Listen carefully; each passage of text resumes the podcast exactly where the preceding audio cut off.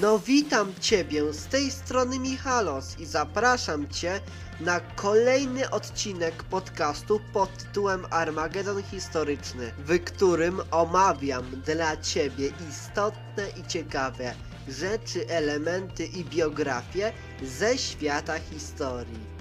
Zapraszam i życzę miłego oglądania.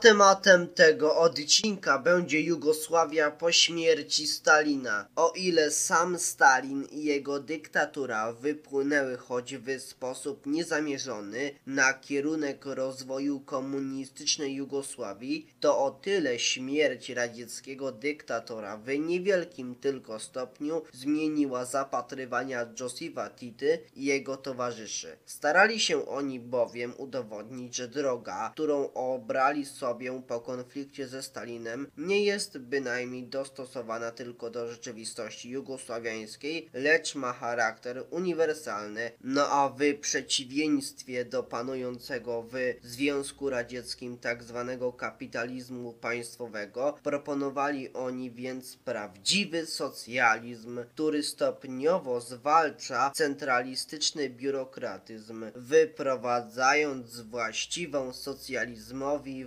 własność uspołecznioną, zarządzaną przez rady robotnicze. No a w czerwcu 1950 roku uchwalono w Jugosławii przeniesienie tzw. własności przedsiębiorstw przemysłowych na robotników, których reprezentować miały wybieralne rady robotnicze, a ukoronowaniem tej i dalszych zmian z rewizją kodeksu karnego włącznie stała się nowa konstytucja uchwalona w 1953 roku, zrywająca z poprzednim modelem stalinowskim. No a równolegle z reformą struktury państwa przeprowadzono zmiany w partii, no bo obradujący w listopadzie 1952 roku zjazd Komunistycznej Partii Jugosławii sformułował zadania samorządów i ograniczył zakres stosowanego dotąd administracyjnego oddziaływania partii na życie kraju, a zmniejszono również rolę organów centralnych partii, zwiększając tym samym samodzielność niższych ogniw. No a nową linię symbolizującą demokratyczny charakter przemian miała także wyrażać zmiana nazwy Komunistycznej Partii Jugosławii na Związek Komunistów Jugosławiański, w skrócie ZK, a najtrudniejsze okazało się zerwanie z polityką kolektywizacji wsi, a dopiero w kilka miesięcy po zjeździe w marcu 1953 roku zezwolono chłopom dopiero na wycofywanie się z kołchozów, no a powyższe zmiany wyzwoliły w kierownictwie partyjnym Jugosławii dalsze tendencje reformatorskie z jednej strony i opór konserwatystów partyjnych z drugiej. No a najaktywniejszym przedstawicielem pierwszych z tych tendencji był Milovan Dzilas, postulujący zupełną likwidację Związku Komunistów Jugosławii jako partii politycznej i zastąpienie go swobodnym zrzeszeniem ludzi ideowo bliskich komunizmowi, a idea Dzilasa opierała się na przekonaniu, że kostniejąca wymiarą upływu czasu organizacja partyjna będzie coraz bardziej oddzielać się od mas, a jego koncepcje uznane zostały za rewizjonistyczne.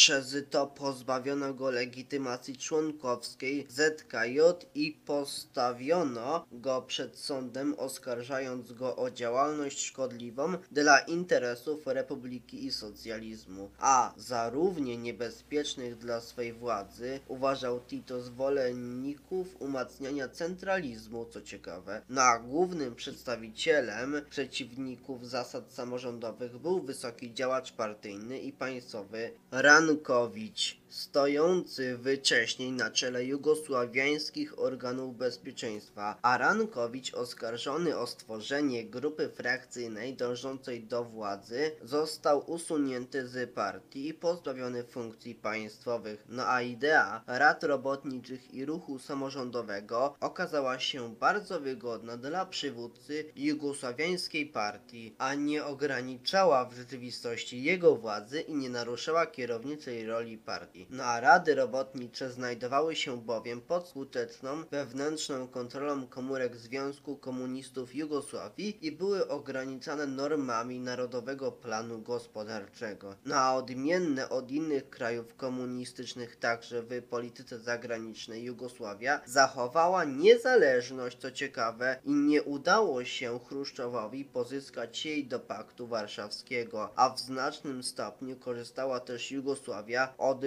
początku lat 50. z ekonomicznej pomocy państw zachodnich.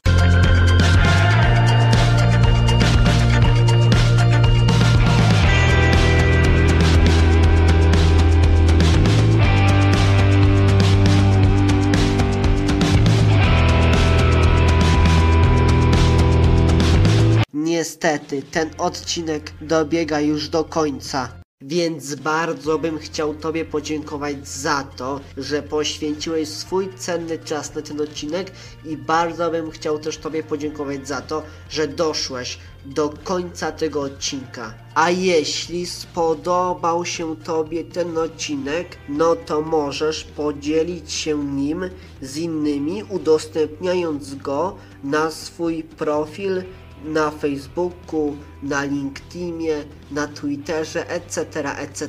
Po prostu dziel się tym odcinkiem, gdzie się da. Udostępniaj ten odcinek, gdzie się da. Nawet udostępniaj go na Messengerze, wysyłając go swoim znajomym. No dobrze, ja się z Tobą żegnam i życzę Tobie miłego poranka, miłego dnia, miłego wieczora czy miłej nocy, zależy kiedy oglądacie lub słuchacie ten odcinek. No to cześć, widzimy się lub słyszymy w następnym odcinku.